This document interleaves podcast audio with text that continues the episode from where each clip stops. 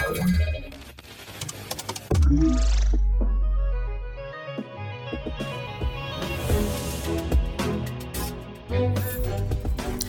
halo, dzień dobry, tutaj Fundacja Bezpieczna Cyberprzestrzeń, raport Cyber Cyber, Cyber Cyber Raport, ze mną jest Cyprian Gutkowski, cześć Cyprian. Cześć Kamilu. A ja się nazywam Kamil Gapiński i e, cóż, dzisiaj Wam przedstawimy e, tematy, które zgromadziliśmy w ostatnim e, tygodniu w świecie cyberbezpieczeństwa, a są to następujące tematy. Sumologic ujawnia naruszenie bezpieczeństwa, zaleca reset kluczy API.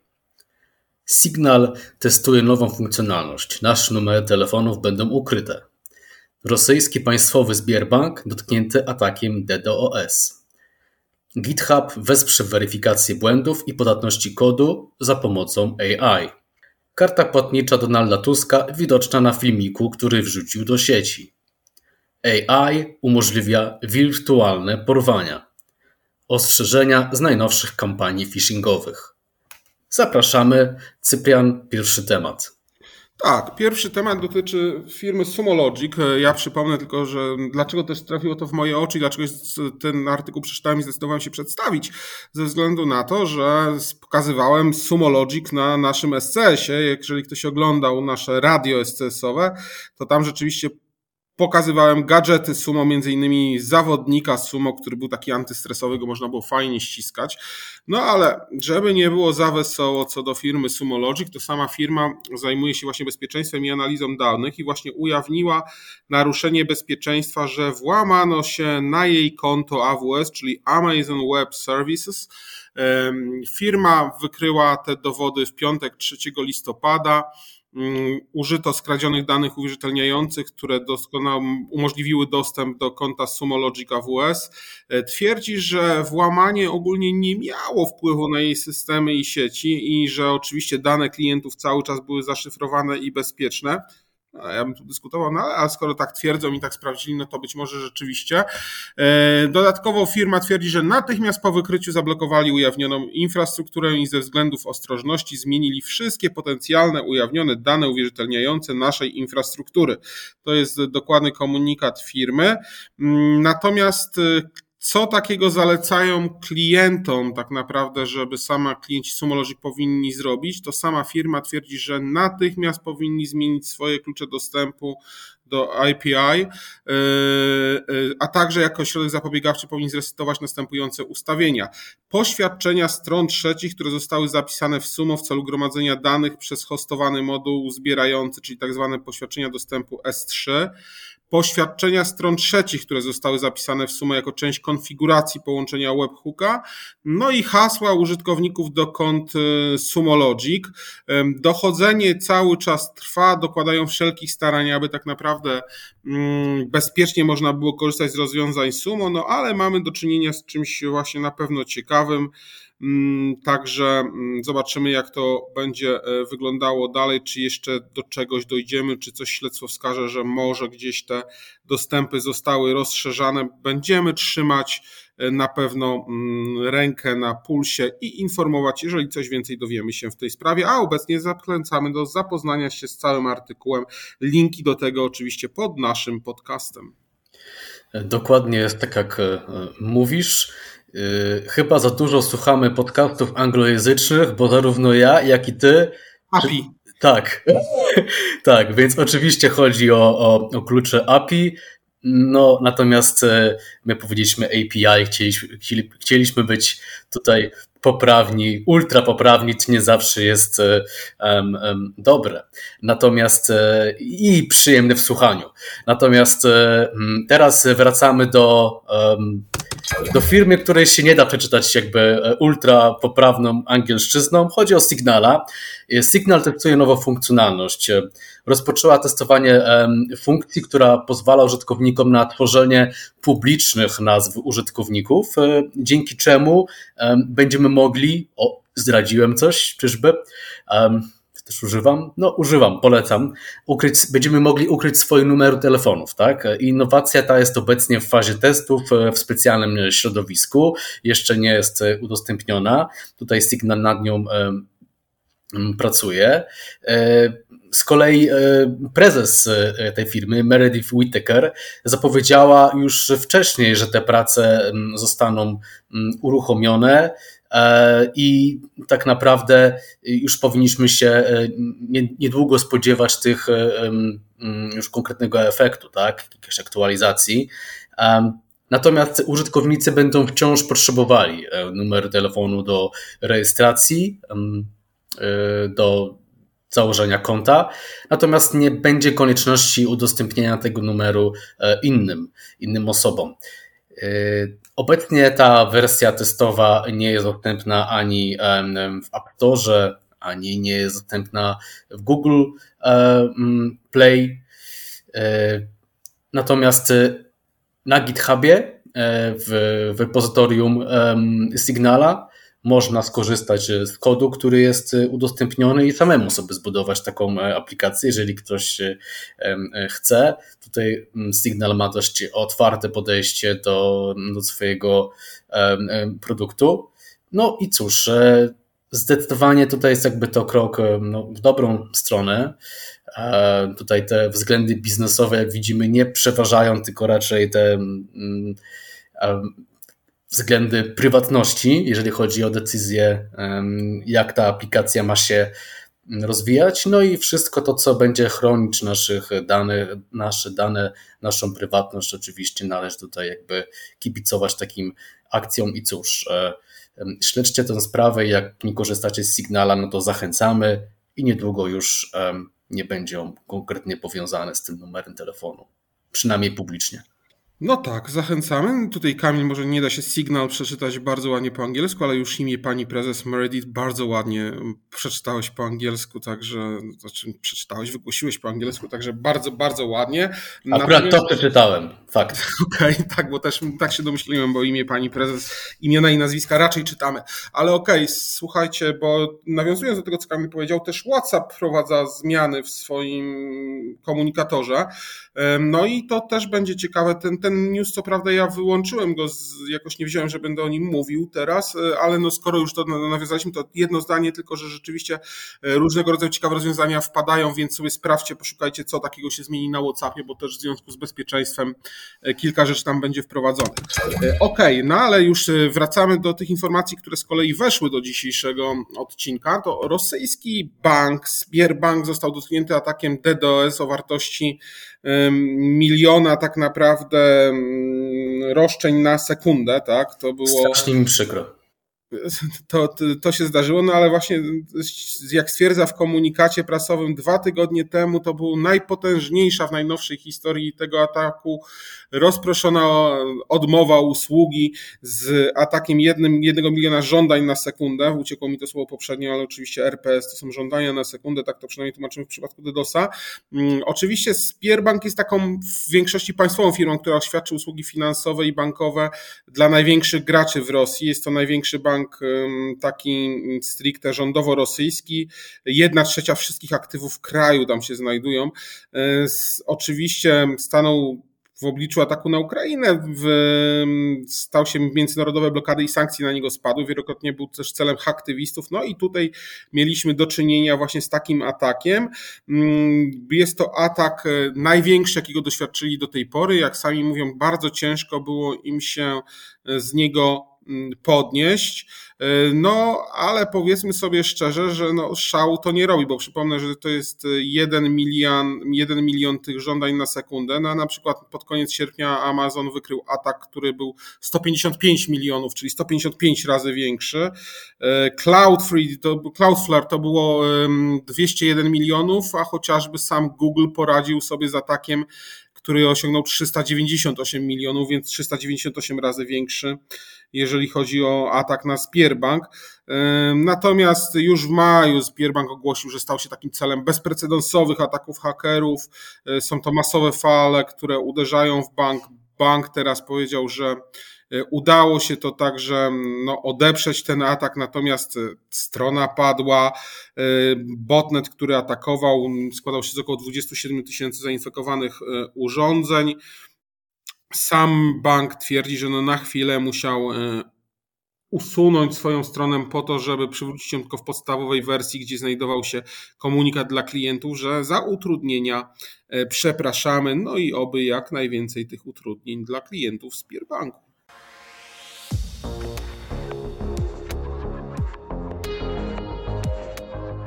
Partnerem strategicznym podcastu CyberCyber jest Koncert SA, lider na polskim rynku cyberbezpieczeństwa. Sprawdź nas na www.koncert.pl. Tak, tak patrzę na nasz skrypt dzisiejszy, no to e, zdecydowanie podzieliliśmy się tak, że ja dzisiaj mówię o jakichś innowacjach w zakresie cyberbezpieczeństwa, chociaż nie do końca o czym na końcu się przekonamy, a ty właśnie tutaj zajęłeś się zagrożeniami. No więc e, kontynuując e, tutaj nasz podcast, e, chcę powiedzieć coś o GitHubie, no znanej platformie do hostowania, do robienia repozytorium kodu. GitHub należy do Microsoftu. GitHub ogłosił publiczną wersję próbną E, trzech funkcji, które mają właśnie wspomagać e, zarządzanie cyberbezpieczeństwem i one będą wykorzystywały sztuczną inteligencję. To się będzie działało w ramach takiego czegoś jak GitHub Advanced e, Security. Mm, to będzie dostępne dla klientów GitHub Enterprise, czyli właśnie tych no, płatnych wersji oraz wersji cloudowych. I co to ma dać? To ma dać między innymi poprawę jakości kodu, E, a tak naprawdę jeszcze jest e, jedna opcja tutaj dostępna, tak zwany moduł Dependabot, będzie dostępny również dla publicznych e, repozytoriów. Więc oto tutaj tak naprawdę już technicznie o czym mówimy, będzie możliwość automatycznego naprawiania błędów, tak zwany autofix. AI będzie generował e, poprawki dla e, alertów e, mm, w kodzie, w JavaScript, w TypeScriptie, w tak zwanych pull requestach. No i będzie to pozwalało na bieżąco programistom natychmiast tak naprawdę reagować na problemy. Dodatkowo platforma będzie wykorzystywać zaawansowane modele językowe do identyfikacji wycieków haseł i tutaj, znaczy oni już to robią, ale e, tak naprawdę mm, to będzie jeszcze jakby wzmocniona ta ochrona. E, zapowiadają, że będzie mniejsza ilość, jakby mm, mniejsza liczba fałszywych alarmów, jeśli chodzi o te e, wycieki, o te ślady wyciek, wycieków w, w kodzie bo to obecnie już się znajduje w ograniczonej publicznie becie tego rozwiązania. E, cóż dalej? E, GitHub będzie wykorzystywał e, również AI do ułatwienia tworzenia niestandardowych wzorców do wykrywania tajemnic firmowych, tajemnic przedsiębiorstw. Zaktualizowany dashboard bezpieczeństwa zapewni menadżerom dostęp do analizy alertów i generalnie do takiego lepszego skopu, krajobrazu zagrożeń i będzie też pokazywał właśnie, jak te cyberbezpieczeństwo, no od strony oczywiście tego, co jest już, co organizacja robi na samym GitHubie, tak, czyli kodu, um, wygląda. Także GitHub ogłosił zaawansowane modele językowe, że będzie wykorzystał do identyfikacji błędów, debugowania kodu i innych e, zadaniach. Także tak jak widzimy, e, no, cyberbezpieczeństwo wchodzi jakby z całą siłą w, no, w te, w ten, do tej platformy, e, jest rozwijany, no i też ta sztuczna inteligencja, która będzie identyfikować błędy, w kodzie, no cóż, e, jest to. Mam tutaj takie, mm, no oczywiście, przemyślenie, przemyślenia, na jakiej zasadzie oczywiście to będzie się odbywać, czy z, z taką poszanowaniem e, prywatności tego kodu, gdzie będzie się przetwarzać ta informacja, która jest e, pisana przez deweloperów biorąc pod uwagę to, mm, jak są w ogóle tworzone e, modele te sztucznej inteligencji. Tutaj mam takie, mm, może nie wątpliwości, ale rozważania, ale z drugiej strony jest to na pewno e, plus, że mm, no bo jak wiemy, dużo luk, znaczy dużo incydentów cyberbezpieczeństwa bierze się z luk, z podatności, gdzieś tam także podatności takich stricte technicznych, jeśli chodzi no, o, mm, o kod źródłowy. Więc tutaj na pewno jest to krok w dobrą stronę, by to oprogramowanie było po prostu bezpieczniejsze. Oprogramowanie jest robione dzisiaj na szeroką skalę, masową skalę. Ilości błędów i takiego kodu, który jest niedoskonały, no, dzisiaj jest istotnym problemem dla wdrażania nowych rozwiązań. No tak, to, to, to też ciekawe. Zobaczymy, jak to się będzie rozwijał w ogóle cały ten sektor też w oparciu właśnie o sztuczną inteligencję. Czy to, czy to rzeczywiście też jest sztuczna inteligencja, czy tylko ten machine learning. Zobaczymy, zobaczymy to wszystko w przyszłości. Ta przyszłość strasznie szybko do nas zmierza. E, ale okej, okay, ja teraz o tym zagrożeniu rzeczywiście mówię o zagrożeniach, więc teraz zagrożenie dotyczące tego, co podaje niebezpiecznik. Niebezpiecznik informuje, że pan były premier, być może przyszły premier Donald Tusk wrzucił na swój profil na Facebooku filmik z wizyty tej pizzerii w Jagodnie, mm, gdzie, która ufundowała pizzę dla najdłuższej kolejki stojącej, mm, przynajmniej najdłużej stojącej kolejki. No i widać na tym filmiku moment płatności y, kartą, której dokonuje pan były premier Donald Tusk. E, jeżeli ktoś przegląda ten film klatka po klatce, widać, że płaci kartą wizy, która jest wystawiona przez znany bank. E, no i teraz można się w sumie dowiedzieć tak naprawdę dużo więcej o tej karcie. Te numery są łatwe do identyfikacji. Można dość prosto dojść do tego, w jaki sposób, jakie one są i tak naprawdę czy to w ogóle karta pana premiera, to inna sprawa, ale, mm, ale rzeczywiście, rzeczywiście można do tego spróbować dotrzeć poprzez y, analizę tego filmu. Więc y, cóż teraz należy zrobić? No, dobra zasady dobrej higieny należałyby kartę zablokować e, i wymienić, no ale zobaczymy, czy tak pan premier zrobi. Ja bym chyba rzeczywiście tak zrobił, bo jednak pan premier jest znaną osobą, a jeżeli pojawiła się taka informacja, że można to uzyskać, to na pewno wiele osób postara się o to, e, aby to zdobyć. Oczywiście nie widać tam CVC, CVV2, mm, więc e, tych zabezpieczeń jeszcze karty dodatkowych numerków, no ale nie zawsze jest to potrzebne. Czasami zdarza się przy, przy różnego rodzaju mm, sklepach internetowych, internetowych platformach czasami e, nie są potrzebne e, te e, numery, ponieważ sama karta mm, obsługuje to poprzez tak jakby to już podpięcie i nie, nie będzie tego, tego, tego wymagać. E, co ciekawe, jest to teraz dość e, znane, są, znaczy pojawiło się na topie te dawanie numerów własnych kart kredytowych, bo to samo zrobił młody, utalentowany twórca Kuba Wojewódzki, który rzeczywiście umieścił też zdjęcie ze swoją kartą, zakrywając pierwsze cyfry, przy czym była to reklama banku, a pierwsze cyfry są znane właśnie ze względu na to, jeżeli ktoś wie, jakiego banku to karta, to już te pierwsze cyfry są zupełnie znane. Więc to dokładnie ten, ten, ten sam błąd popełnił. Mm, niektórzy twierdzą, że zrobił to po prostu, żeby upra- usprawnić rozliczenia tej firmy, którą ma z Januszem Palikotem i tam wielu wierzycieli się domaga, więc, więc to po prostu takie wyjście naprzeciw swoim wierzycielom, po to, żeby łatwiej mogli odzyskać pieniądze, ale oczywiście sobie teraz dworujemy i żartujemy. Natomiast rzeczywiście trzeba uważać, jeżeli zwłaszcza jesteśmy celebrytami i chcemy pokazać, jacy to jest jesteśmy ludcy i że używamy też kart, tak jak większość społeczeństwa, no to uważajmy, jakie zdjęcia sobie robimy, gdzie robimy i jak postępujemy z naszymi kartami, tak aby ten, e, te numery kart nie były widoczne, bo może nas spotkać przykra niespodzianka. Tak, w ogóle nie trzymajmy ich na widoku najlepiej, tak. Nawet jak się nimi posługujemy, to jakoś tak zawsze pamiętajmy, że no, w dzisiejszym świecie wszędzie są kamery, ja zawsze klikam z portfela, wiesz, ja jakoś tak sobie rozłożyłem te karty, że, że udaje mi się to robić z portfela klikając. To jest dobry że pomysł. Się nie blokują. Przenosimy się za ocean. Za ocean niby za ocean, chociaż e, chodzi o konferencję, która odbyła się w Europie. Chodzi o Black Hat Europe. Black Hat to konferencja amerykańska, ale akurat tutaj um, reflektuje się, no i e, aż tak daleko nie musimy. Chodzi w każdym razie o to, że badacze z Trend Micro podczas tej e, konferencji pokazali jakby ciekawy przypadek, który daje dużo do wyobraźni, um, jeśli chodzi o, o cyberzagrożenia i także właśnie sztuczną inteligencję.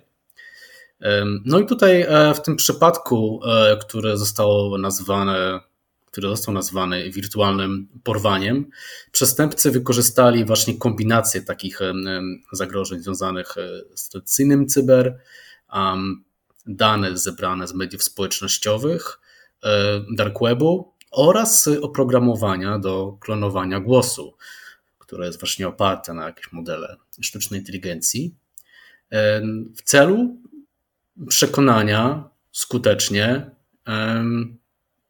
potencjalnych ofiar, że mają do czynienia z porwaniem. No i tutaj podczas tej e, konferencji podano przykład e, użytkowniczki z Arizony, która otrzymała telefon od fałszywych porywaczy. Oni zażądali od niej miliona dolarów okupu, e, twierdząc, że mają jej córkę, że ją porwali po prostu. Głos córki był jednak wcześniej nagrany za pomocą emulatora, emulatora głosu sztucznej inteligencji. No i cóż, potrafili ci przestępcy skutecznie zidentyfikować cel, tak, że to zamożna rodzina. E, ustalili za pomocą oczywiście takich tradycyjnych metod śledzenia, pewnie także mediów społecznościowych i tak dalej, najbardziej odpowiedni moment na atak. Zakładam, że e, wtedy, kiedy po prostu trudno było się z tą córką połączyć, skomunikować, a nie było jej w pobliżu, no i zdobyć te dane głosowe, tak? To jest nie takie trudne, jeżeli na przykład ktoś e, operuje w mediach społecznościowych. Nawet, e, no cóż, my, ja i Cyprian, tutaj przecież mamy podcast i e, jest to pokaźny materiał do, mm, do przetwarzania pod kątem właśnie tego typu incydentów. Nie zachęcamy, nie zachęcamy, ale no cóż, żyjemy w takim świecie. No i właśnie ci cyberprzestępcy no, puścili to nagranie głosowe otworzyli je przez telefon, prawdopodobnie w ogóle z drugiego końca świata.